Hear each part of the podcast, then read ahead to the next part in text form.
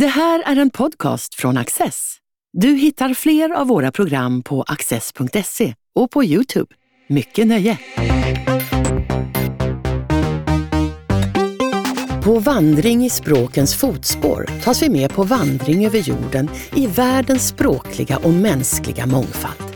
Sverker Johansson är kvantfysikern som blev lingvist. Han presenterar 400 språk och visar hur arkeologin och genetiken ger oss nya kunskaper om språkens utveckling. Sverker Johansson samtalar här med Lotta Gröning. Hur kommer det sig att du som partikelfysiker skriver en bok om språk?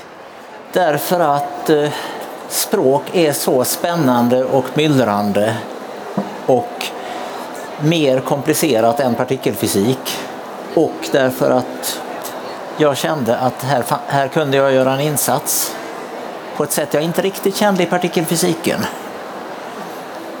För partikelfysik, det är där man utforskar materiens minsta beståndsdelar och det gör man i gigantiska experiment.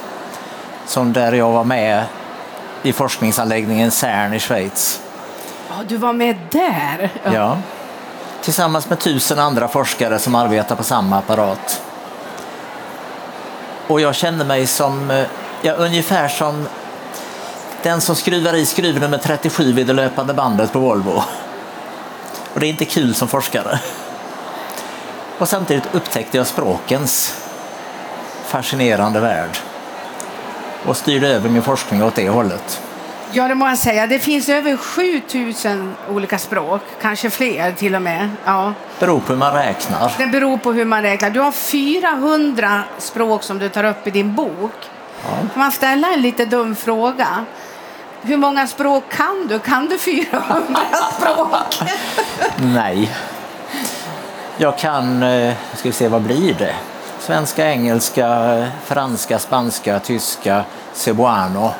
Hur går du tillväga då? När du liksom, berättar lite grann om hur du går tillväga i din forskning. Jag forskar, ska vi säga, ganska mycket datadrivet, evidensdrivet. Försöker lägga pussel av allt det vi vet och eh, få fram en sammanhängande bild. Och språk, jag har framförallt forskat om språkets ursprung. Alltså var kommer språket ifrån? Och då behöver man titta på, inte bara på själva språket utan också på eh, alltså DNA, fossil, arkeologiska belägg, till och med vad apor och andra djur gör för att kunna belysa frågan från så många olika håll som möjligt och väva ihop en, en bild som inte är spekulation. För det är ett område där det spekuleras lite för mycket. Mm. Jag tänker så här att du gör ju i din bok, i dina kapitel så gör du ju ned, geografiska nedslag också. Och du liksom, varje kapitel liksom så beskriver du ett språk. Om, om vi skulle ta Afrika till exempel, det är väl lite bra att börja med det. Som är liksom alla, grunden för alla vårt språk, eller? Afrika är ju människans urhem. Mm och grunden för hur vi blev människor. Och språken, om språken började där, det låter jag vara osagt. För eh, människor hade spridit sig ut över världen. Tidigare former av människor, Homo erectus, spred sig över hela Afrika och Asien och Europa. Och någonstans i den vevan kom de allra, allra första språken. Men om det var redan innan Homo erectus lämnade Afrika eller inte, det vill jag inte svära på. Men du säger ju också att vi, vi, vi tänker på samma sätt ja. oavsett vad vi har för språk. Och det gör liksom ett myllrande mönster som fyller hela mänskligheten och det är lite där du vandrar, eller hur? Det är det i allra högsta grad. Vandrar genom det här myllret, vandrar genom språkets mångfald och eh, försöker visa på de mönster som finns.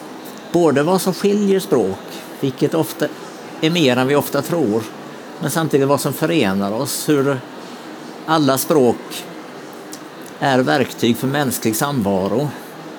Och alla språk gör sitt jobb i den mänskliga samvaron. Alla våra, varje mänsklig tanke kan uttryckas på varje mänskligt språk.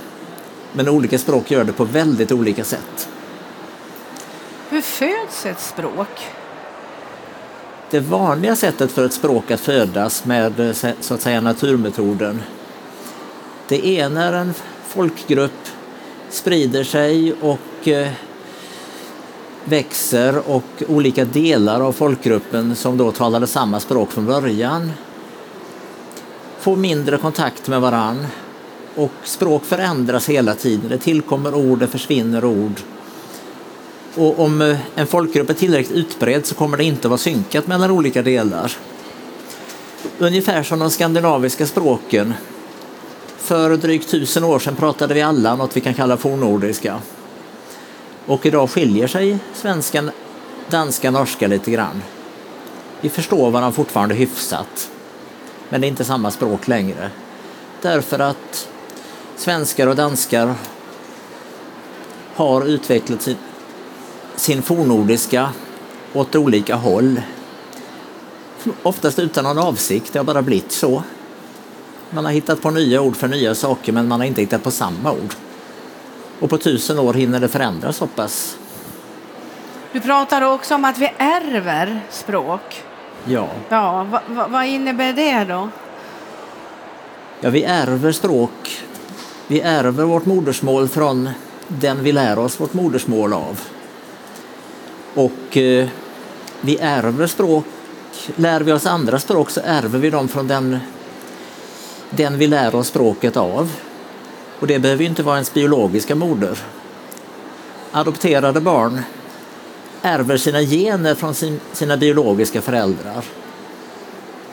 Men barn som adopteras i späd ålder de ärver sitt modersmål från adoptivföräldrarna.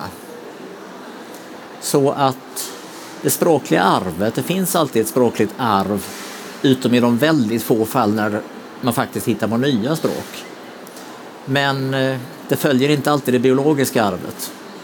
Men då tänker man så här, du tar ju arkeologer hjälp också. Och Ja. Vad säger de om språk? Ja, de kan säga en hel del. Arkeologiska fynd i sig säger egentligen ingenting om språk. Åtminstone inte innan skriften uppfanns. Så långt tillbaka som vi har skriftliga belägg, vilket är kanske 5000 år i Mellanöstern och nästan lika länge i Kina och nästan ingenting i stora delar av världen. Så långt kan vi följa språket direkt via arkeologi. Arkeologin kan säga oss att det talades sumeriska i nuvarande Irak för 4-5 tusen år sedan. Hur då? Genom att vi har hittat kilskriftstavlor med sumeriska texter. Men eh, hittar vi inga texter så säger arkeologer ingenting om vad som pratades. Däremot kan man spåra kulturer. Arkeologer kan se alltså vad, vad gjorde folk, hur levde folk, vad levde de av? Vilka tekniska prylar hade de? Och då pratar vi tekniska prylar som bronsyxor och inte iPhones. Och det kan man sen koppla ihop med språk. För eh, den som kände till metaller bör ha, ha haft ord för metaller. Stenåldersmänniskor hade inte ord för metaller. Människor som har ord för vete och får och grisar hade förmodligen jordbruk. Den som inte har det hade det inte. Och på det viset kan man koppla ihop språkens historia med eh, det arkeologiska fynd. Våra indoeuropeiska språk som är all, allt från svenska till hindi. Det är ju en stor språkfamilj idag, den största. Och vi har gemensamma ord för eh, mjölk till exempel. Vi har ett gemensamt ord för havre. Och det säger oss någonting. Vi har en hel uppsättning gemensamma ord för vagnar och vagndelar och hjul och axlar och grejer. Det säger oss att den gemensamma förfadern till alla dessa språk var jordbrukare som odlade sin havre och mjölkade sina kor och hade sina vagnar. Och sen kan vi jämföra med vad arkeologer har hittat. Den kulturen måste ha levat efter att hjulet uppfanns till exempel. Då tänker jag på samerna som har så otroligt många ord för snö. Och det har de ju på Grönland också. Ja, fast det är delvis en myt. Är det det? Men samerna har många ord i alla fall. Ja, och även eh, svenskan, åtminstone norrländska dialekter, har en 40 ord för snö. Och vice versa. Som de austronesiska språken som talas i Söderhavet, de har knappt något ord för snö alls eller inget inhemskt ord. Vad är det som är en myt då? Är det Grönland eller? Grönland, att de har exceptionellt många, det är en myt. Det är en myt. Och det, den myten hänger nog ihop med hur de, de grönländska språken bildar ord. De bygger ihop många, många, många element till jättelånga sammansatta ord. Så att liksom en hel mening kan vara bara ett ord. Och tar man alla variationer på en mening som handlar om snö så blir det rätt många. Då blir det många. Ja, men då eh, liksom dubbelräknar man. Ja, då dubbel jag. Du kan ju skapa sammansatta ord på svenska, hur många sammansatta ord som helst med snö i basen. Och eh, då får vi också lika många. Du, om vi kommer in då lite grann på det här andra DNA. Ja. Alltså, alltså DNA-forskningen, alltså liksom hur DNA alltså kan hjälpa oss att bygga stamträd, alltså språkliga stamträd, eller? Ja, DNA hjälper oss att bygga biologiska stamträd. Ja. Och där ska vi vara lite aktsamma. Det är det jag sa innan, att språk och biologi följs inte alltid åt. Nej, vad är det för skillnad då? Skillnaden är just den att eh, ditt DNA det ärver du alltid från dina biologiska föräldrar. Språket lär du dig från den, den som tar hand om dig när du är liten. Det behöver inte vara samma personer. Nej. Så adoptivbarn ärver inte sina biologiska föräldrars språk. Men i det stora hela, för de allra flesta, så går det biologiska och det språkliga arvet hand i hand. Och det gör att man kan lägga alltså språkliga stamträd och biologiska stamträd bredvid varandra och se intressanta mönster. För DNA, där har ju varit en revolution under de senaste 10-15 åren att vi har lyckats få fram DNA ur fossil och ur arkeologiska fynd mycket, mycket mer än innan. Så att vi har alltså bevarat DNA från tusentals människor som levde för, tusentals år sedan. Och då kan vi se vem som delar det DNA idag.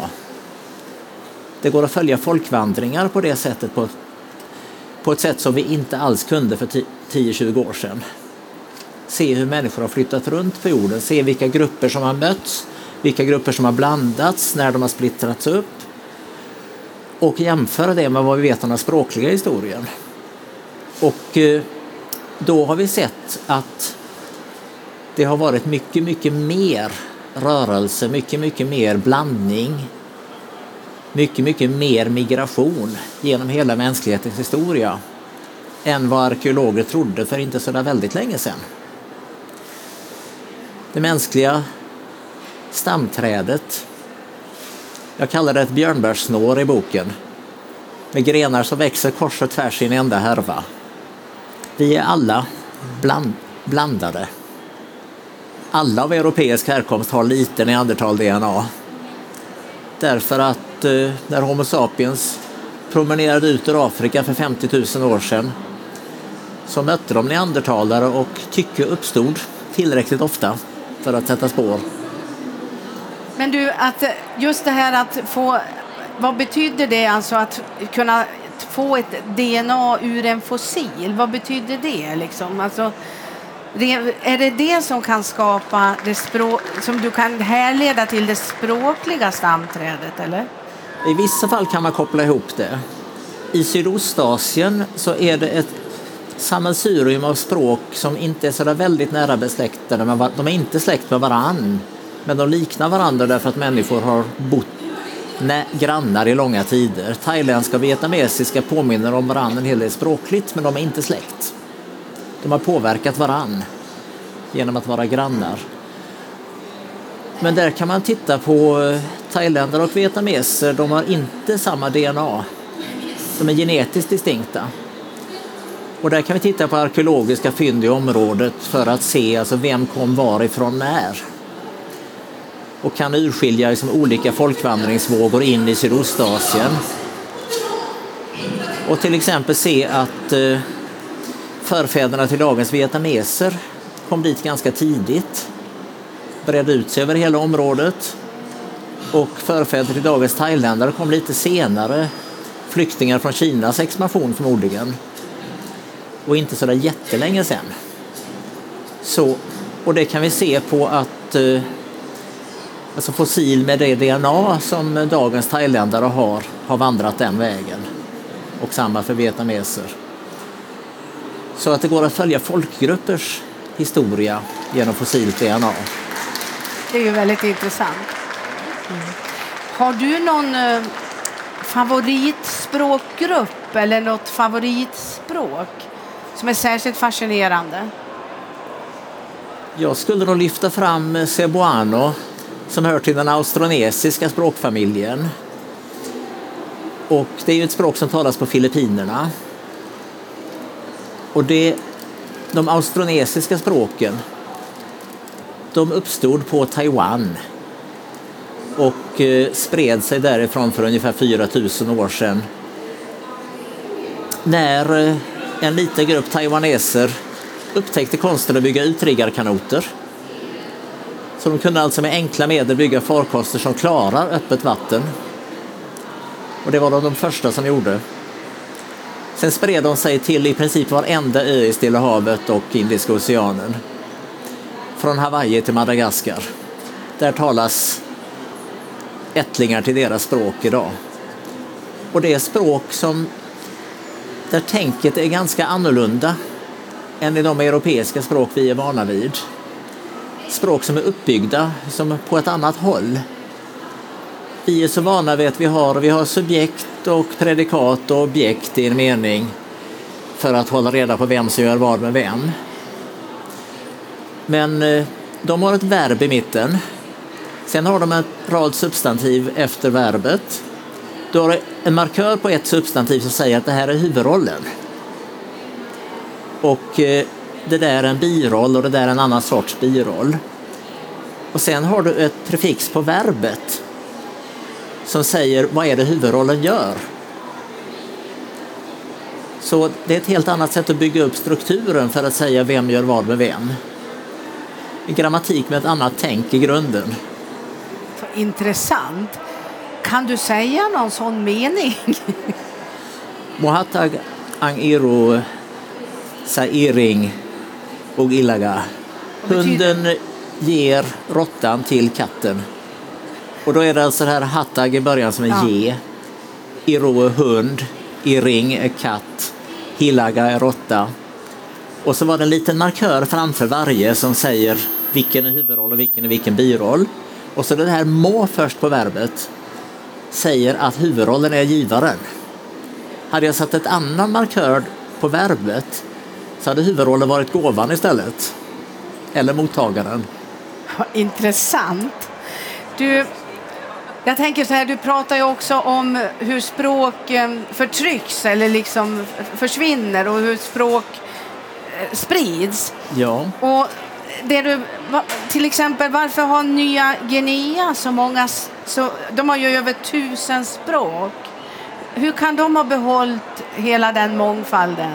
Ja, och där sa du rätt ord, behållt. ja. För eh, resten av världen har förmodligen haft sån språklig mångfald också. Eller i närheten av den i alla fall. Men Nya Guinea har tusen språk därför att de har fått vara i fred en av få delar av världen där invaderande arméer inte har dragit fram som Egyptens gräshoppor. Resten av världen har blivit erövrad gång efter gång efter gång. Och det är förödande för språklig mångfald att vara i ett imperium. Men Nya Guinea, där det är sån hopplös terräng, träsk och höga berg överallt. Och människor bor i dalarna och varje dal är mer eller mindre isolerad och utvecklar sitt eget språk. Och eh, där finns liksom ingenting för imperialister att hämta. Och de imperialister som har försökt har inte kommit långt. Så de har fått vara i fred.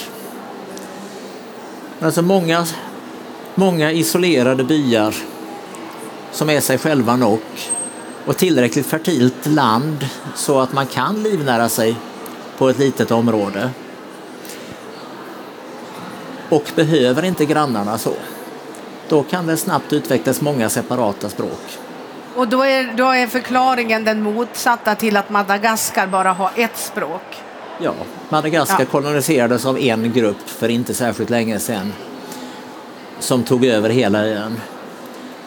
Sen kan det mycket väl vara så att om Madagaskar nu får vara i fred i 50 000 år, vilket är osannolikt i dagens värld, men rent hypotetiskt. För Madagaskar har inte varit befolkat alls speciellt länge.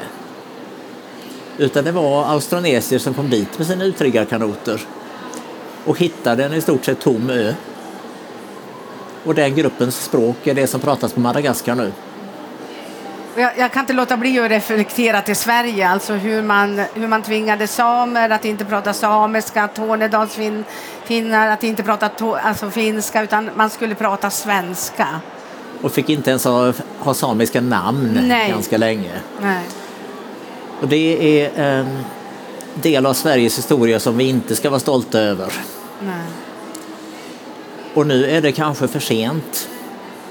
För eh, samiska förtrycks inte aktivt längre. Men det gjorde det så pass länge.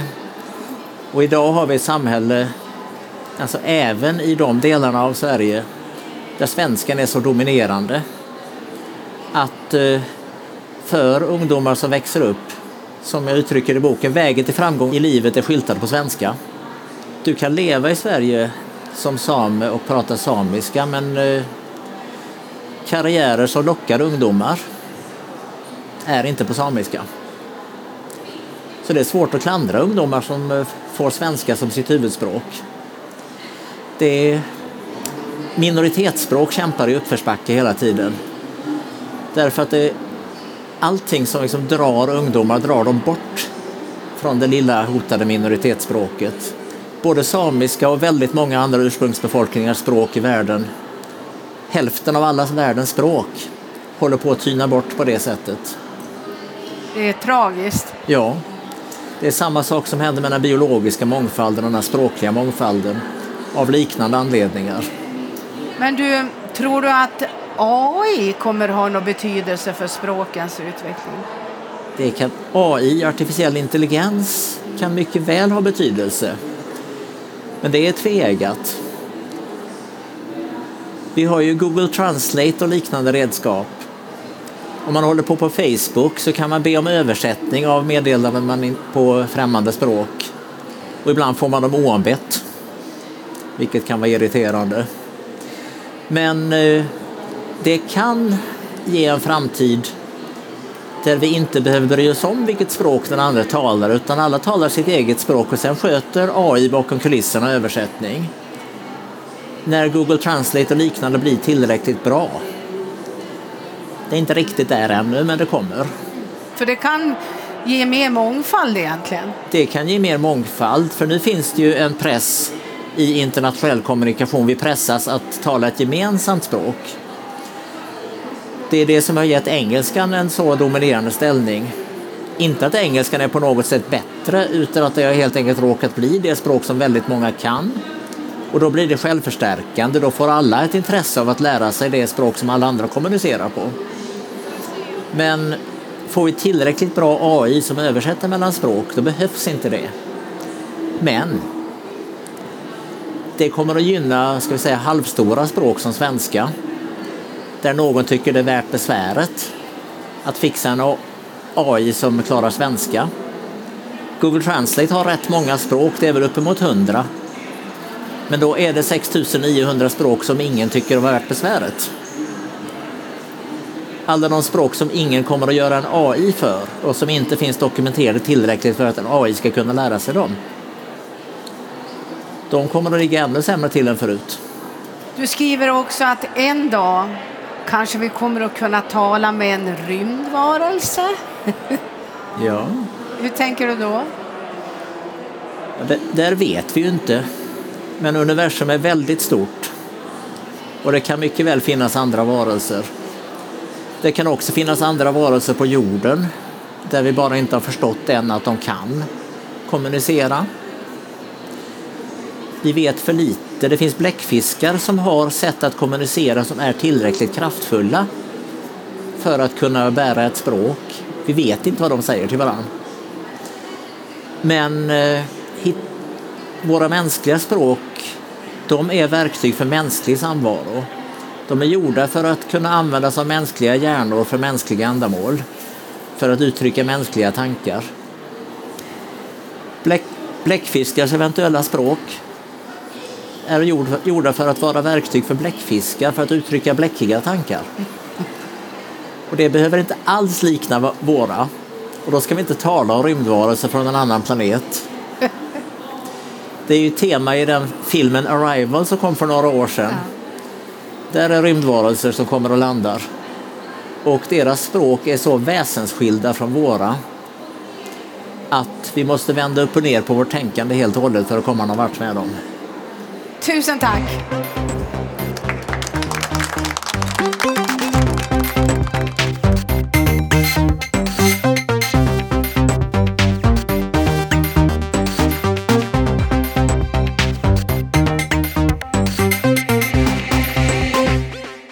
Du har just lyssnat på en podcast från Access. Du vet väl att vi också är en tv-kanal och tidning? Teckna en prenumeration idag på access.se.